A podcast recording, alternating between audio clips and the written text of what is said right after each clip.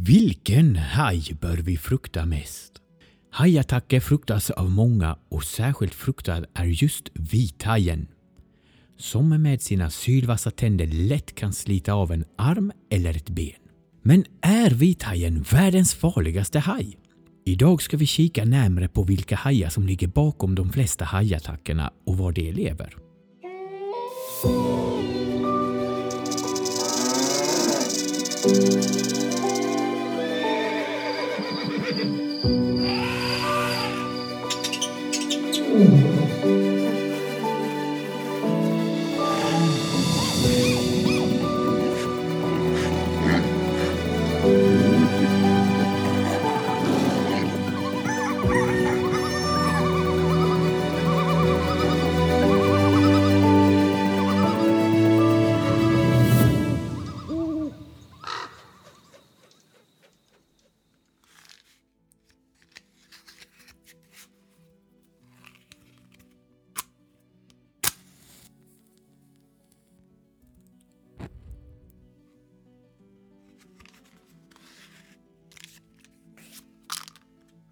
Hej och välkomna till Zoologipodden.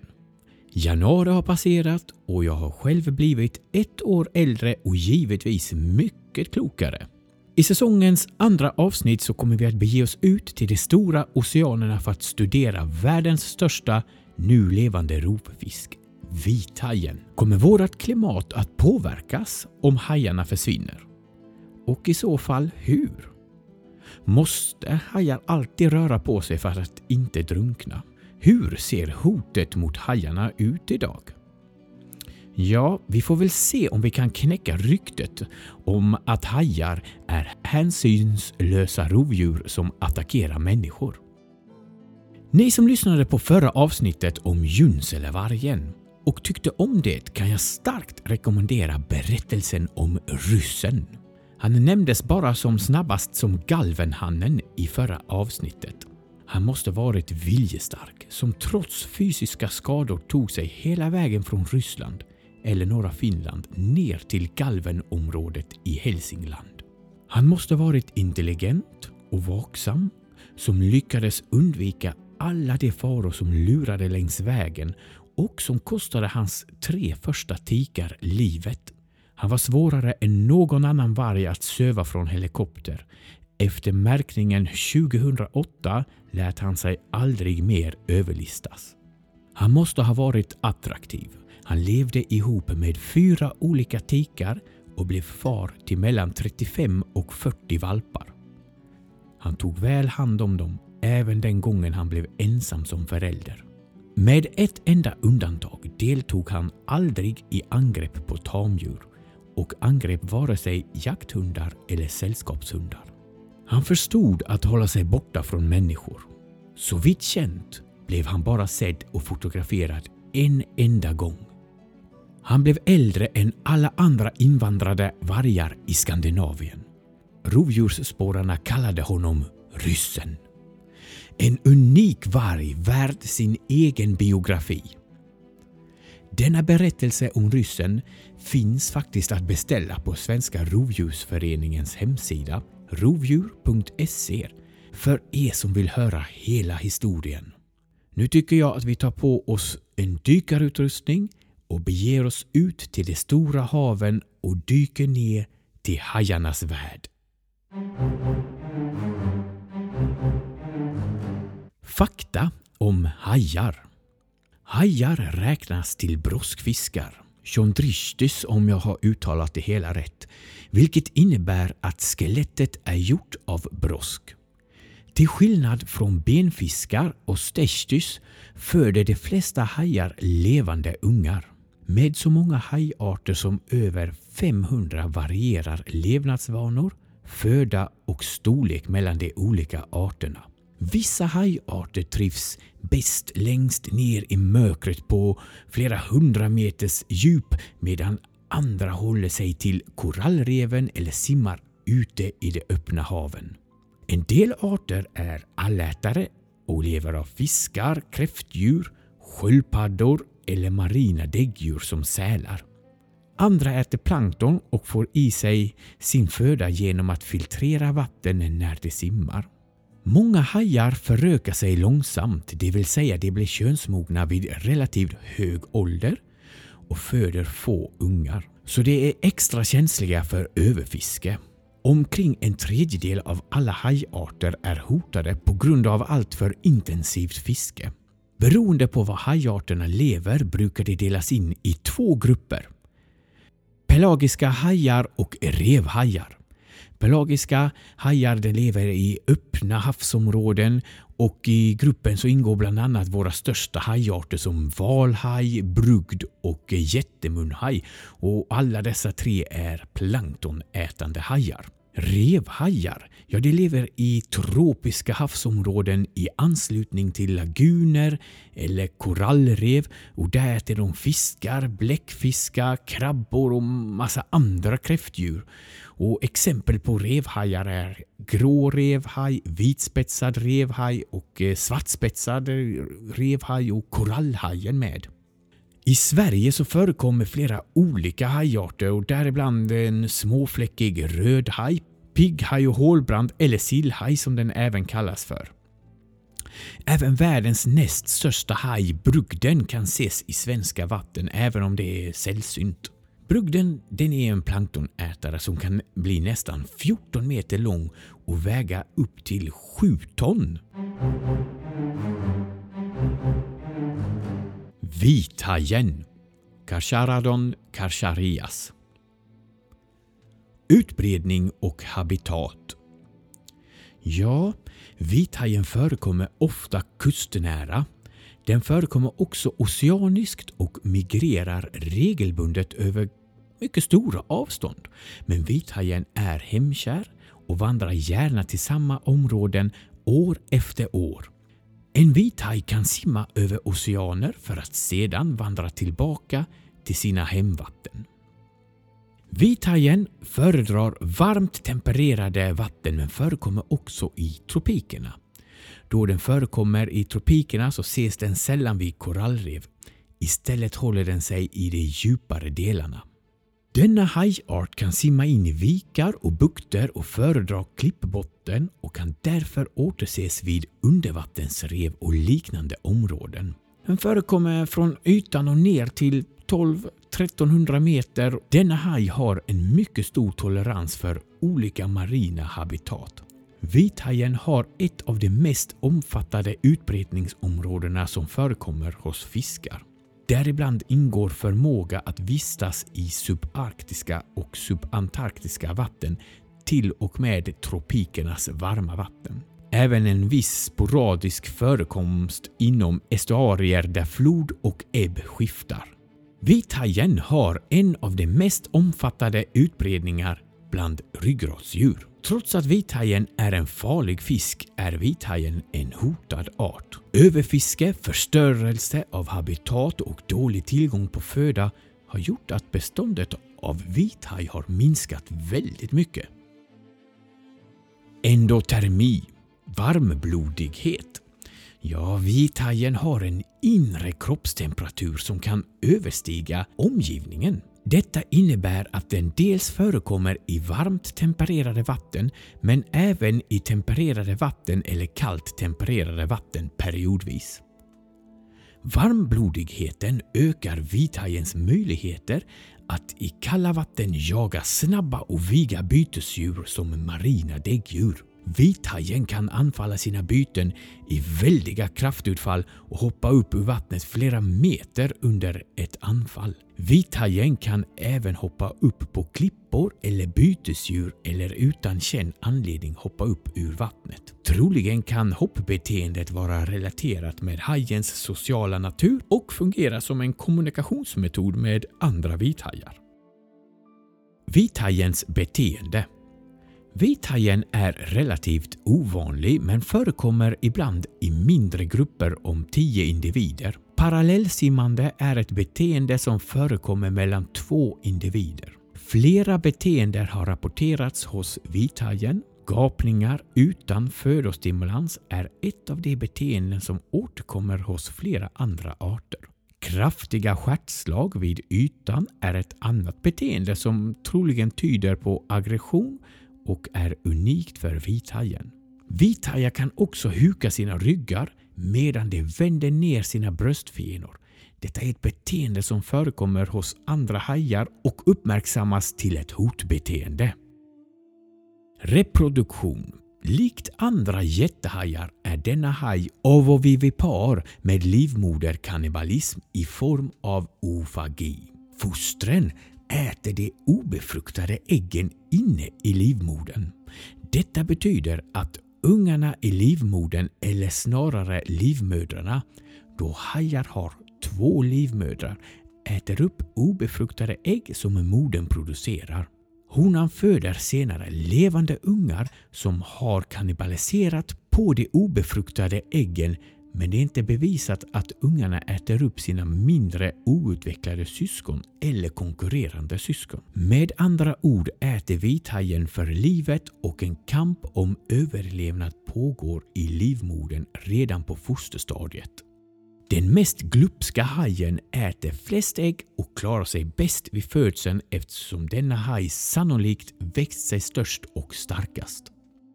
Graviditetens längd är okänd men troligen minst ett år eller mer. Honan föder oftast 2 till 14 ungar som vid födseln är cirka 110 till 150 cm långa. Gravida honor är mycket ovanliga. Troligen slutar honorna äta och simma till områden där det råder lite fisketryck då de är höggravida. En annan förklaring till det låga antalet vithajar kan vara att de mycket sällan blir gravida och när de varit gravida inte parar sig igen förrän kanske om två år efter honan har fött sina ungar. Misstänkt parning har observerats i Nya Zeeland och indikationer förekommer från östra Kanada. Ett fall beskriver hur två vithajar vänder sig buk mot buk vid ytan utanför Nya Zeeland. Bitmärken på honor och framförallt omkring bröstfenorna tyder på att parningen troligen är snarlik i metod som hos andra hajar.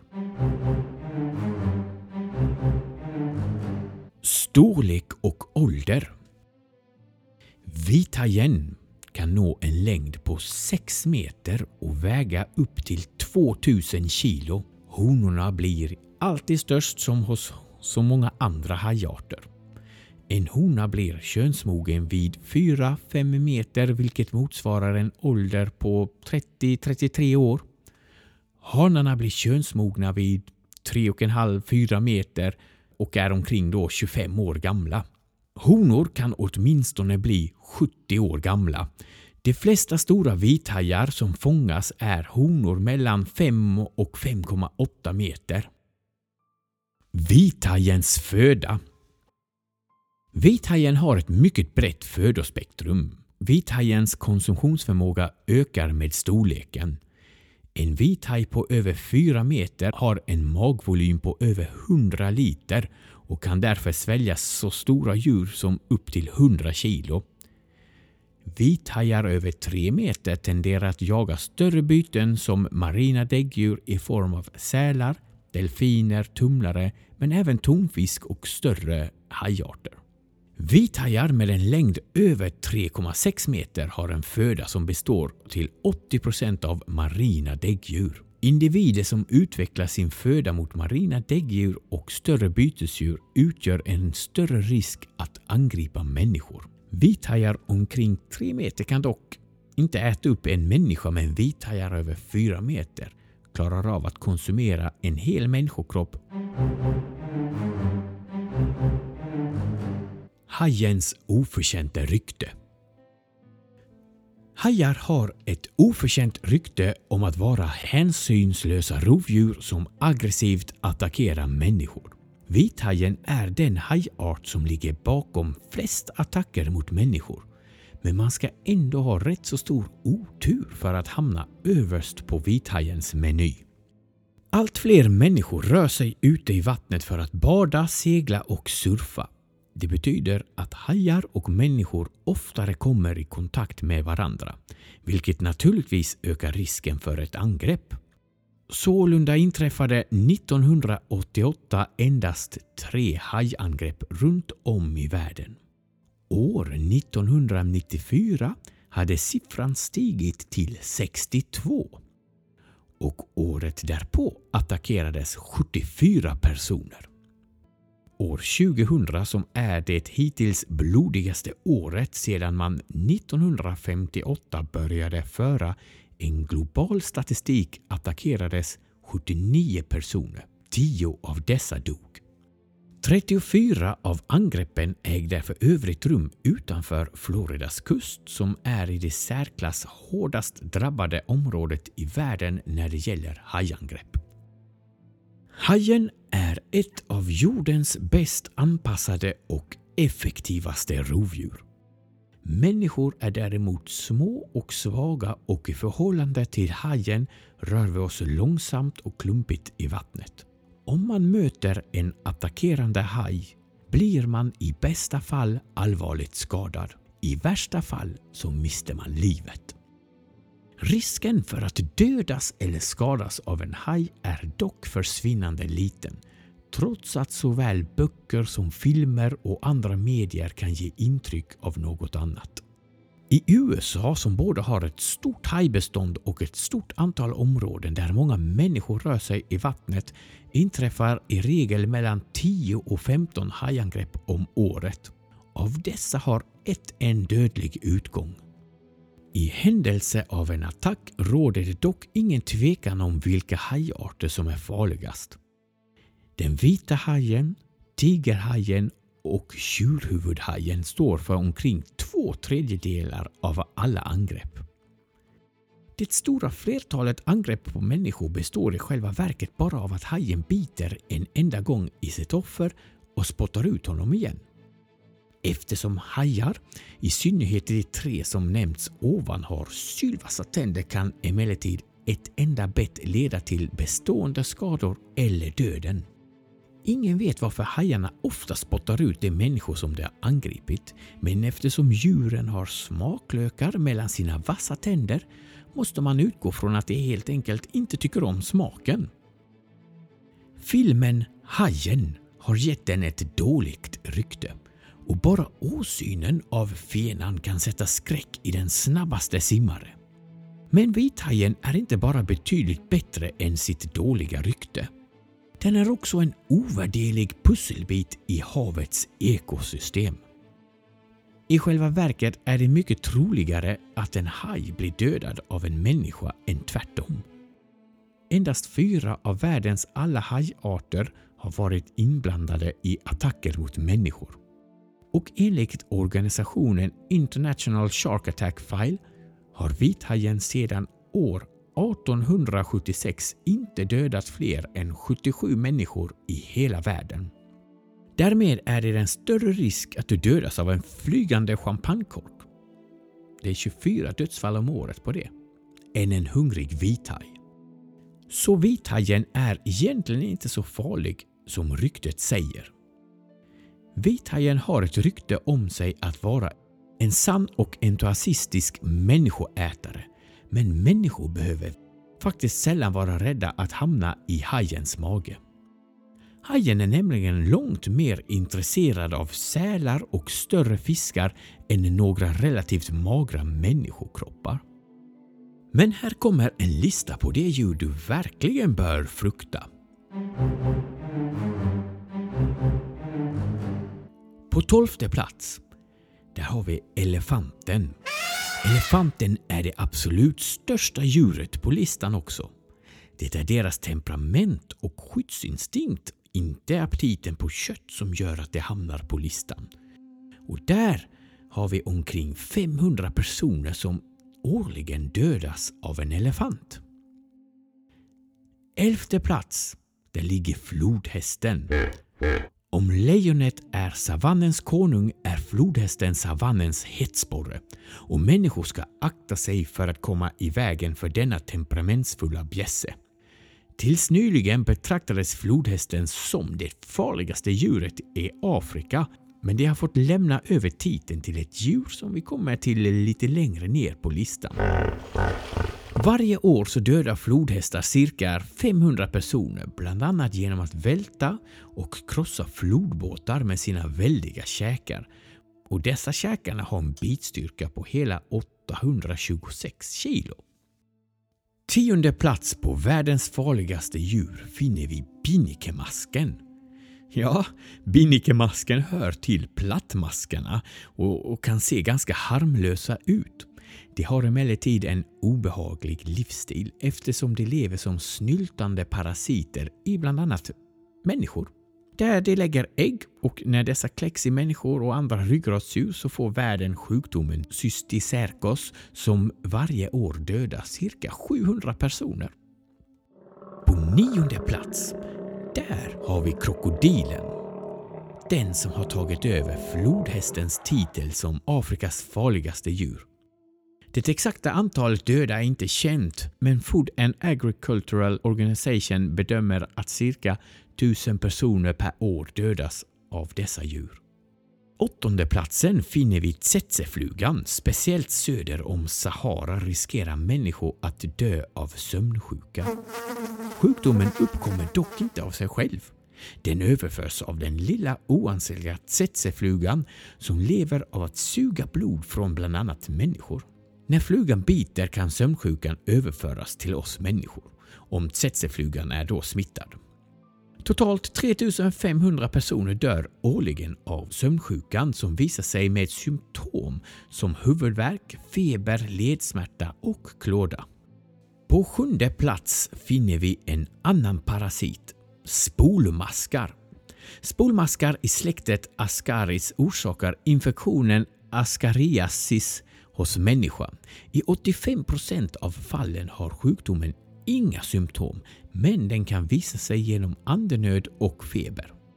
En studie som publicerades i The Lancet år 2013 visade att det dör omkring 4500 människor varje år på grund av spolmask. Sjätte plats kniper rovskinsbaggarna. Även nummer sex på denna lista är skyldiga till att överföra livsfarliga sjukdomar till människor. Rovskinnsbaggarna har en kraftig stick och sugsnabel.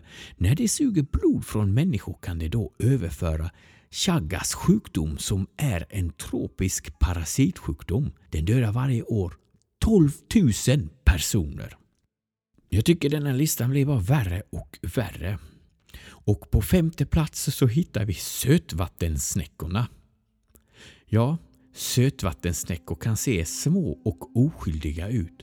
Men de kan bära på en parasitmask som kan orsaka sjukdomen, men nu ska vi se om jag kan uttala denna sjukdom. Schistoso Schistosomiasis. Schistosomiasis. Globalt sett är mer än 200 miljoner människor infekterade och sjukdomen kräver varje år minst 20 000 människoliv. Fjärde plats. Ja, där finner vi människans bästa vän. Hundar. Även människans bästa vän uppträder på listan. Och Det är emellertid inte nödvändigtvis för att den hugger sin ägare utan för att den kan bära på viruset rabies.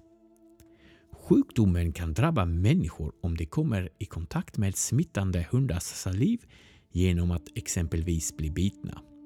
Totalt 99 procent av 59 000 dödsfall på grund av rabies orsakas av hundar, bedömer Världshälsoorganisationen.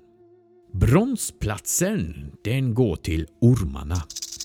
Som grupp hör ormarna till världens allra farligaste djur. Och varje år uppskattar Världshälsoorganisationen att ormar dödar mellan 81 000 och 138 000 människor i världen. Silverplatsen tar ingen annan än människan själv hand om. På andra plats hittar vi oss själva, människan.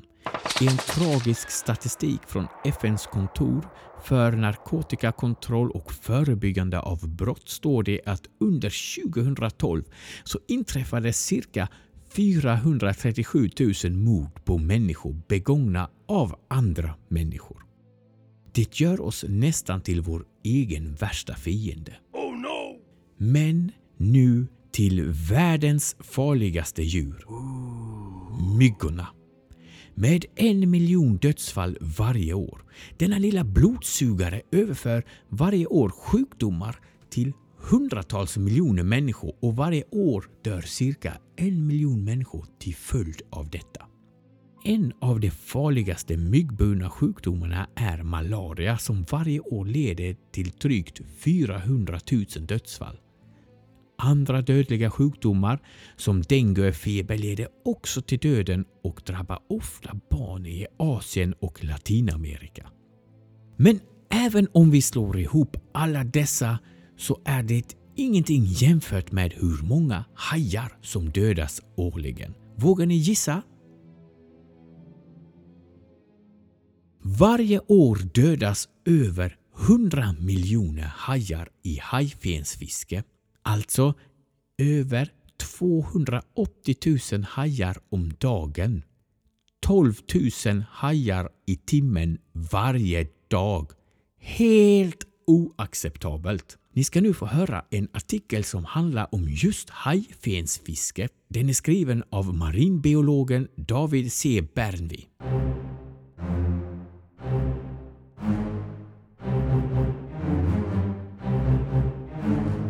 Hotet mot hajar De flesta känner idag till det utarmade hajfensfisket som pågår över världshaven. Men få känner dock till vilka hajar som är mest utsatta och vad fångstdata säger om dagens hajpopulationer. Idag är det största problemet för vithajen och dess artfränder framförallt hajfenssoppan. Året 1984 startade hajfensfisket ännu en gång i och med att Kina startade avreglera sitt land. Under 1984 blev Kina ett friare land och tusenåriga kulturer blev ännu en gång tillåtna medan kommunismens förtryck stagnerade. Hajfensfisket ökade dock snabbt efter 1984. Medan Kinas ekonomi växte så växte också hajfensoppans efterfrågan. Det kinesiska folket fick det bättre. Den växande medelklassen bestående av miljontals människor i Kina efterfrågade tusenåriga traditioner. Haifensoppa är en delikatess i Kina och omkringliggande asiatiska länder som Hongkong och Taiwan. Soppan tillhör en fin etikett som iscensätts när den serveras under kinesiska banketter eller bröllop. Hajfinsoppa är en traditionell statussymbol med ett högt pris både för miljön och konsumenten. Precis som champagne används hajfinsoppan för att väcka positiv anda. Soppan förekommer dock i flera olika format. En del är lite billigare och andra mycket dyra. Och priset beror på fenornas textur och vilken haj som utgör hajfenssoppan. Själva hajfenssoppan är smaklös från haj. Soppan smaksätts från kycklingbuljong eller någon annan buljong efter att ha kokat i 8-10 timmar. Vad är då hajfenssoppa egentligen? Till att börja med heter soppan fiskfena på kinesiska och refererar faktiskt inte till haj.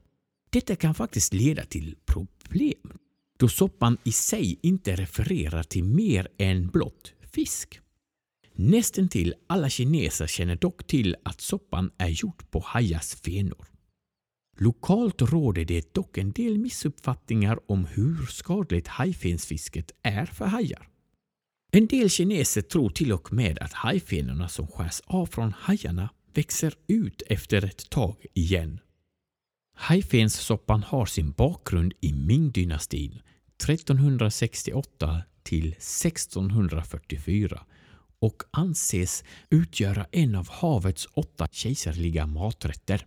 Då tillagning av hajfenssoppa involverar flera steg och kräver stor omsorg samt färdighet var hajfenssoppan under sin tidiga historia reserverad för ämbetsmän och kejsare. Idag är det lättare att tillaga sofistikerade kinesiska maträtter och många fler kan äta maträtten idag. Prepareringen och senare tillagningen av hajfenssoppa består av att man först avlägsnar fenans skinn, Många fenor säljs även med skinn på. I regel är det stjärtfena, bröstfenor och ryggfenor som utgör ett intressant föremål för hajfensfiskaren. Resten av hajen slängs över bord, vilket motsvarar närmare 95 procent av hajen. Pelagiska hajar som blåhaj, vitfenad, oceanhaj, långfenad, makrillhaj, sillhaj, laxhaj, valhaj och vithaj utgör en högintresserad fångst då deras fenor är långa och breda. Numera fiskas även bentiska hajarter flitigt med mycket små fenor eftersom deras pelagiska systerarter på många platser världen över försvunnit. På flera platser världen över har pelagiska hajarter förekommit i den grad att kommersiellt hajfensfiske inte längre är gångbart. En del hajfenor torkas och bleks, andra säljs frysta. Efter det att hajfenorna är flodda ångkokas det för att sedan tvättas flera gånger under ett antal dagar. Under denna preparering kan man forma om hajens form och fenan får stå i buljong och suga in sig smaken tills fenans textur är geléaktig. Priset och kvaliteten på fenan bedöms efter storlek och tjocklek. Fenan kokas därefter en kort period och ibland 8-10 timmar. Det sägs att det smakar ungefär som nudlar och precis som nudlar utan smaktillsats smakar det väldigt lite. Vissa beskriver hajfenssoppan som smaklös. Jag själv har faktiskt aldrig, aldrig smakat på hajfenssoppa och jag skulle absolut inte rekommendera det till någon. Jag vill inte ens rekommendera någon att köpa ens en skål hajfenssoppa med tanke på hur många hajar som slaktas under barbariska förhållanden på grund av denna hajfenssoppa. Enligt kinesisk tradition så ökar hajfenssoppan potensen hos män, hudens kvalitet, minskar risken för hjärtsjukdomar samt ökar qi, en form av energi enligt traditionell kinesisk medicin. Det påstås även att hajfenssoppa förebygger cancer. Men det finns inga som helst vetenskapliga studier som tyder på detta. Däremot så finns det ett protein i hajens kropp som heter squalamin vilket agerar mot blodkärlsbildning vilket cancertumörer efterfrågar då de växer. Squalamin är inget som förekommer primärt i hajens brosk. Squalamin är inte heller något som man kan dra nytta av från hajar genom att äta haj. Squalamin måste introduceras intravenöst, något som man även gjort under medicinska försöksstudier och vilket har visat att livmodercancer samt lungcancer hejdats. Enligt vetenskapliga studier innehåller hajfenssoppan däremot höga halter kvicksilver och tungmetaller, vilket kan faktiskt sterilisera män. Det är farligt att äta hajfenssoppa för gravida kvinnor eller för kvinnor som planerar graviditet. Det är faktiskt så att hajfenor säljs till otroliga priser. Mellan 3 till 4 000 kronor kilot och konkurrerar därmed med narkotika i prisklasserna.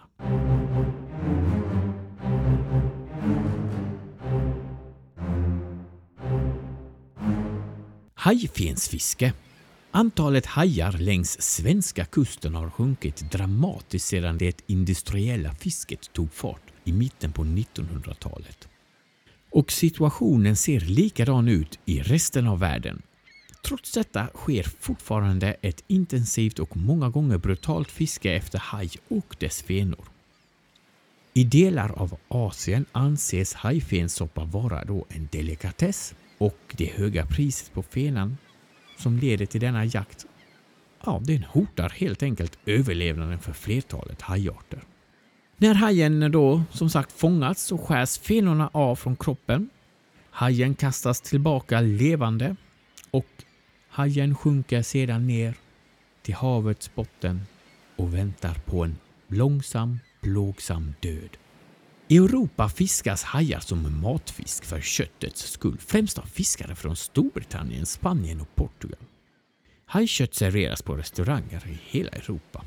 I Storbritannien kan man tyvärr finna haj på traditionella fish and chips-restauranger. Hajar som bifångst. Ett annat allvarligt hot är långrev. Nät och andra fiskeredskap som i jakten på andra fiskarter fångar haj som bifångst. Fisket efter tonfisk är förknippat med bifångst av haj genom att välja fisk som är MSC-certifierad. Marine Stewardship Council bidrar du till att minska bifångst genom att fiskredskapen man använder sig av när man fiskar är anpassade för att minimera mängden bifångst. Ja, vad görs då för att skydda hajarna? Det görs en hel del runt om i världen och i februari 2009 offentliggjorde den Europeiska kommissionen en ny åtgärdsplan för att skydda hajar i europeiska vatten. Planen innehåller bland annat krav att det ska finnas fler observatörer ombord på trålare, förbud mot utkast av de flesta hajarter som bifångst och fångstbegränsningar i linje med råd från fiskevårdande organisationer.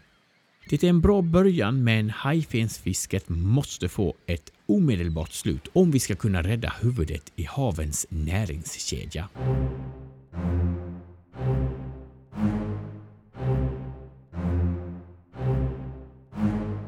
Livets cirkel I livets cirkel är och har alltid varit att det är topprovdjuren som styr för vart rike de lever i.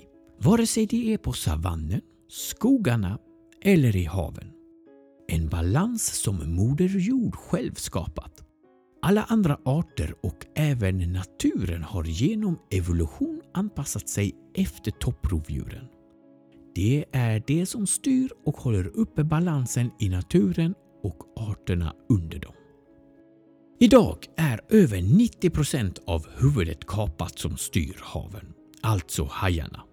Dessa djur har funnits otroligt, otroligt länge på vår jord. Vi pratar om 200 miljoner år före dinosaurierna. Alltså i över 400 miljoner år. Flera gånger under evolutionen har massutdöenden ägt rum. Trots detta har hajarna överlevt. Och Detta är ett starkt bevis på att hajar har utvecklat lösningar som är anpassningsbara till stora ekologiska förändringar. De har möjlighet att gång på gång i olika former av hajar upprepa framgångsrika anpassningar till de miljöer hajar utsätts för. Hajarna är en framgångssaga utan like. De har toppat havets ekosystem i miljontals år Många djurgrupper har kommit och försvunnit men hajarna har bestått. Den perfekta rovfisken i näringskedjan. Idag är det inte hajarna som står för majoriteten av världens fiskarter. Sedan Jura har benfiskar dominerat haven med flest arter. Men däremot är det hajarnas positioner i havets ekosystem som gör dem till nyckelarter. Hajar har ett stort inflytande på havets ekologi eftersom de är predatorer på övriga stora marina djurgrupper.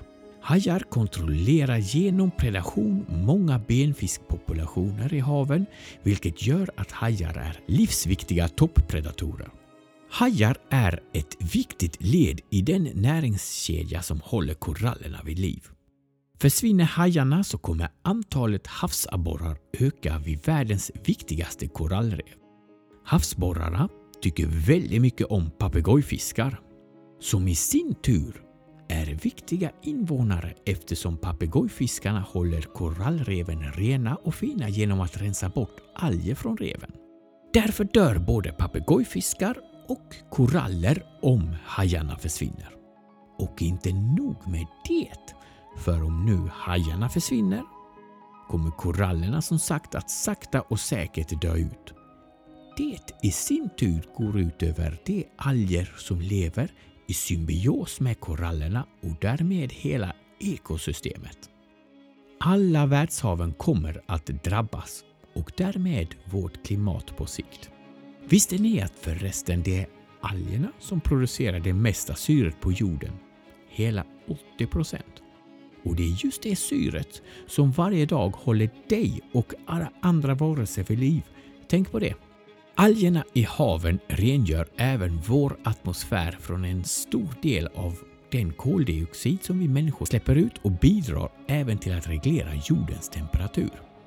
Kortfattat, försvinner hajarna så kommer hela ekosystemen att gå ur tjänst på obestämd tid framöver. Och vad är det för värld vi kommer att lämna till våra efterlevande? Det tål att tänkas på. Måste hajar alltid röra på sig för att inte drunkna? Ja, det är en återkommande fråga och jag tänkte ta itu med denna. De flesta hajar kan faktiskt stå stilla i vattnet utan att drunkna. Men vissa arter är mycket riktigt tvungna att vara i konstant rörelse för att skaffa syre. Hajar har inga lungor utan drar som andra fiskar syre ur vattnet genom att låta det passera över gälarna. Bakom ögat har det därför en särskild öppning som hjälper till att föra vatten och därmed syre till gälarna. Under vila pumpar de flesta hajar bara vatten genom munnen och öppningen bakom ögonen för att säkra en tillräcklig syreförsörjning. Men cirka ett 20-tal hajarter har dock förlorat denna förmåga och saknar helt öppningen bakom ögonen. Dessa arter har en närmast nomadiserande livsstil och är i konstant rörelse dag och natt hela livet. Det gäller till exempel den stora vithajen och världens största fisk, valhajen, som simmar med öppen mun för att dra in vatten över gälarna. De evigt simmande hajarna är emellertid inte de enda fiskar som inte kan vila. Tonfisk, makrill och vissa andra grupper av rovfiskar är också tvungna att röra sig hela tiden för att få friskt vatten över gälarna. Vithajen, petad från tronen. Späckhuggaren är havets kung. Som vargar i flock angriper späckhuggare vithajar utanför den sydafrikanska kusten. De stora valarna siktar målinriktat in sig på hajarnas energirika lever och sliter ut den med kirurgisk precision. Med sylvassa tänder och en matchvikt på drygt två ton regerar vithajen världshaven från sin plats på toppen av näringskedjan.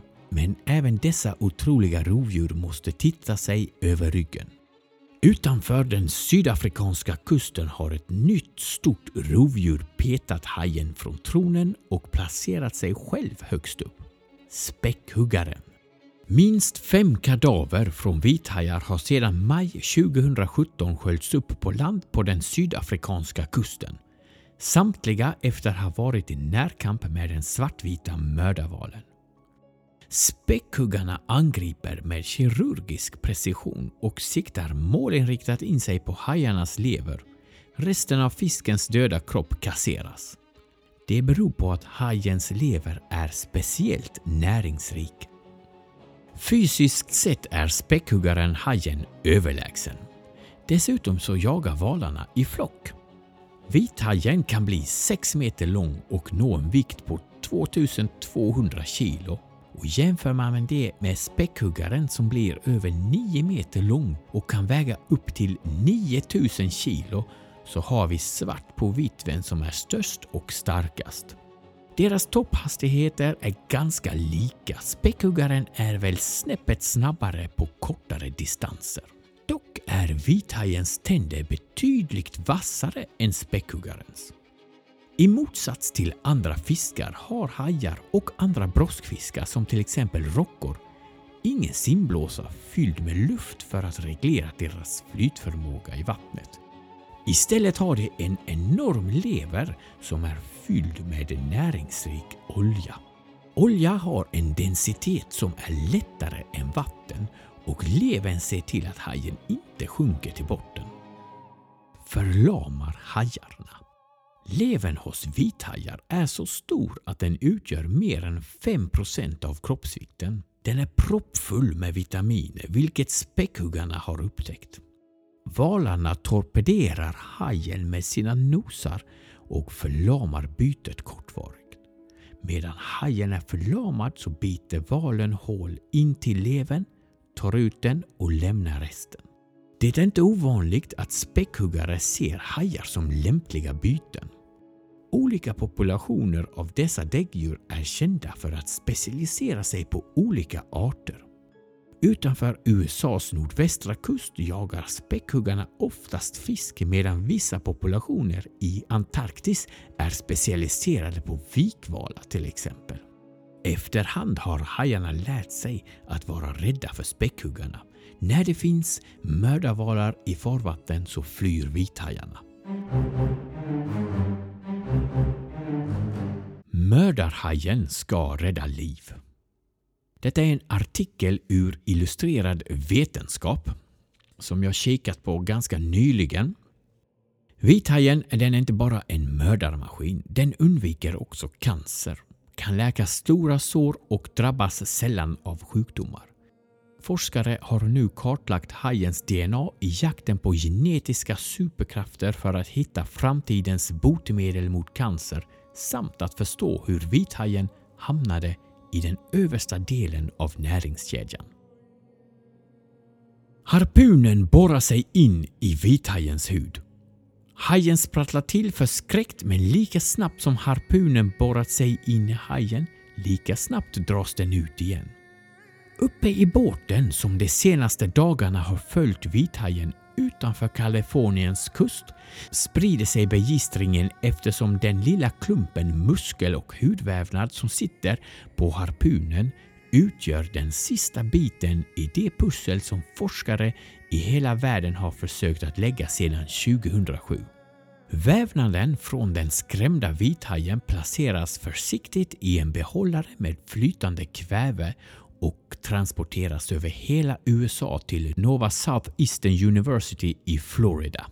Här har ett forskarteam med Nicholas J, Mara och Michael J Stanhope i spetsen de senaste två åren undersökt vävnadsprov och lyckats kartlägga vithajens samlade arvsmassa, dess genom.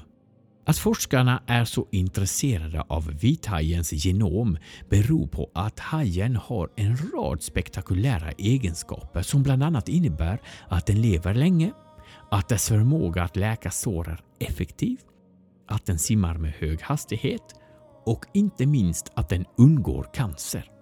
Forskarna hoppas kunna ta reda på vad som ligger bakom vithajens genetiska superkrafter och använda denna kunskap i jakten på ett botemedel mot cancer. Vithajen undviker cancer. Hajarna har dominerat världshaven i över 400 miljoner år. Evolutionen har därmed haft oceaner av tid på sig att göra det skräckinjagande rovdjuret perfekt och vässa dess förmågor. En del av dessa förmågor är vi talar om doftreceptorer som stärker luktsinnet. Luktsinnet som är hajens mest välutvecklade sinne eftersom det har ett så stort antal doftreceptorer. Det gör att vithajen kan uppfatta ytterst små mängder blod på flera kilometers avstånd. En annan förmåga som slipats genom miljoners år av evolution är tänderna som byts ut under hela hajens liv. Munnen är fylld med över 300 vassa sågtandade tänder. De är arrangerade i rader där de två främre används för att skära igenom köttet medan de bakre ersätter de främre när de går av eller lossnar. Ännu en superförmåga är att hajen läker stora djupa sår blixtsnabbt. Det får mig personligen att tänka på Wolverine i X-Men-filmerna. Vithajen kan snabbt byta ut sina överlappande fjäll. Så fort den får ett sår drar en rad processer igång som stoppar blödningen, bekämpar infektioner och ersätter skadade fjäll med nya fjäll. Förmågan att lagra energi i sin jättelever för långa resor är ännu ett av hajens överlevnadssystem. Vithajens lever fungerar som en enorm energidepå och det är nödvändigt eftersom hajarna migrerar över 20 000 kilometer under sin livstid. Sist och kanske den mest intressanta förmågan är att hajen har ett stabilt DNA som motverkar cancer. En uppsjö av gener i vithajens genom håller dess DNA stabilt och skyddar mot cancerframkallande mutationer. Bland annat kan det höga antalet så kallade hoppande gener ligga bakom hajens stabila DNA. Just därför har den stora vithajen också länge väckt intresse i forskarvärlden. Tills alldeles nyligen så trodde forskarna att vithajens genomsnittliga livslängd var 20-30 år, precis som de flesta andra hajar. Men en studie från 2014 avslöjade att broskfisken kan bli upp till 70 år gammal. Den långa livslängden i kombination med vithajens storlek borde innebära en stor risk för cancer. Men så är inte fallet. Tvärtom. Bland ryggradsdjuren är det vithajen som har de lägsta förekomsterna av cancer. Men hittills har forskarna inte vetat exakt varför just vithajen klarar sig så bra. Det har nu förändrats efter studien av vithajens genom. Genom, ja det är ju den totala mängden DNA som finns hos en levande organism. Ett annat ord för genom är arvsmassa för er som undrar. Stabilt genom ger långt liv. I det kartlagda genomet upptäckte forskarna också en uppsättning gener som utvecklas särskilt för att motverka och reparera DNA-skador. Bland annat orsakade av gifter, strålning eller felaktig celldelning. CHEK2 är ett exempel på en av vithajens unika gener som motverkar cancer. Analyser visade att hajen har en del speciella mutationer i genen som inte finns hos andra djur som forskarna har jämfört med. Forskarna menar att mutationerna stärker förmågan att blockera delning av cancerceller och celler med skadligt DNA så att det inte kan sprida sig. Skadad haj läker snabbt. Motståndskraften mot cancer är dock inte mycket värd om hajen inte också klarar det tuffa livet som rovdjur utan kanske förblöder eller dör av ett skrapsår och infektioner. Men så är det inte med vithajen. Vilket på ett makabert sätt demonstrerades när en vithaj 2008 skadades rejält av en båtpropeller utanför den sydafrikanska kusten.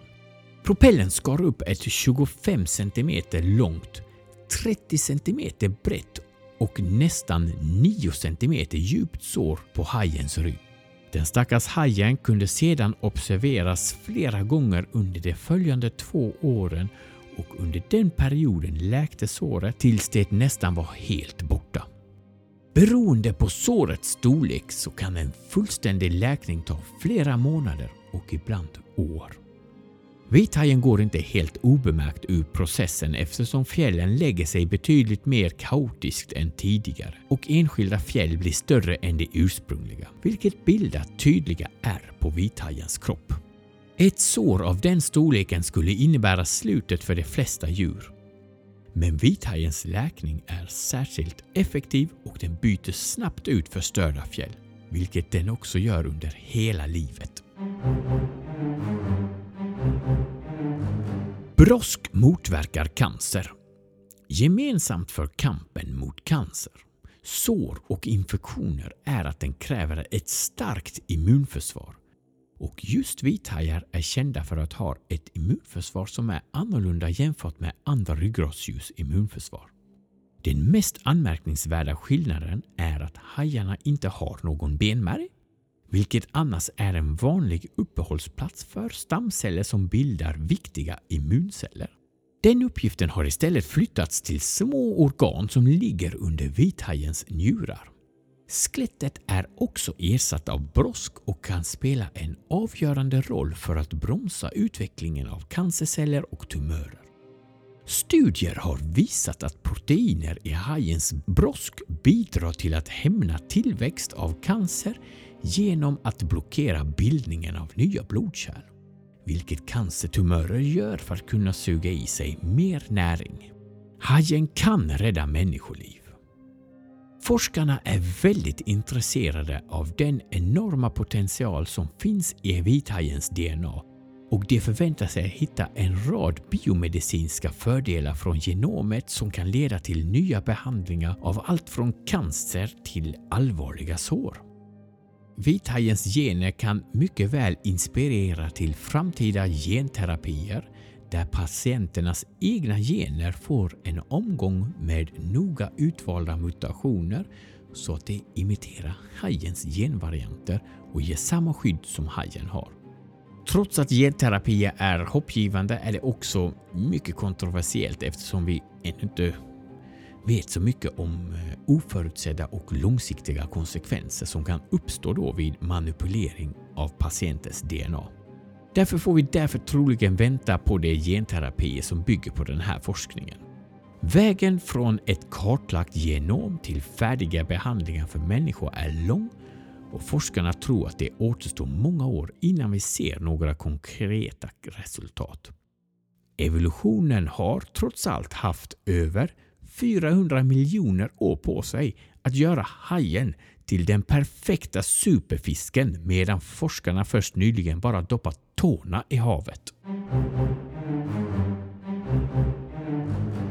This is the most dangerous animal in the world. Responsible for millions of deaths every year, by his side we can see a white shark swimming peacefully. Några välvalda slutord för allt i världen. Köp aldrig någon form av hajfenssoppa. Då kan ni sluta och lyssna på denna podd. Köp MCS-certifierad fisk och kom ihåg att försvinner huvudet i havens näringskedja så kommer inte bara havens varelser känna kaos, utan även livet på land kommer att straffas hårt för detta. Vithajen är ett eh, mycket fascinerande mytomspunnet djur med unika förmågor som inga andra djurarter har. Varför? Ja, under 400 miljoner års tid så har hajarna hunnit anpassa sig till så perfekta toppredatorer att alla andra arter under dem har fått anpassa sig till dem eller gå under. Det finns fortfarande otroligt mycket vi inte vet om hajarna och en hel del som vi nog aldrig kommer att få veta. Jag tackar för att ni har lyssnat på dagens hajavsnitt och har ni något eh, ämne som eh, eh, ni skulle vilja veta mer eller ett unikt djur så mejla till oss på zoologipodden gmail.com. Glöm inte att följa oss på Instagram och Facebook. Nästa gång så är det faktiskt en supermåne och jag hoppas då att vi får hitta på någonting extra då. Men tills dess, ha det bra och njut av livet. What we do in life echoes in eternity origin. Ja, det var ju något jag minns från filmen Gladiatorn. Superbra film. Producent är Produktion Solution AB med Nicola och Madeleine.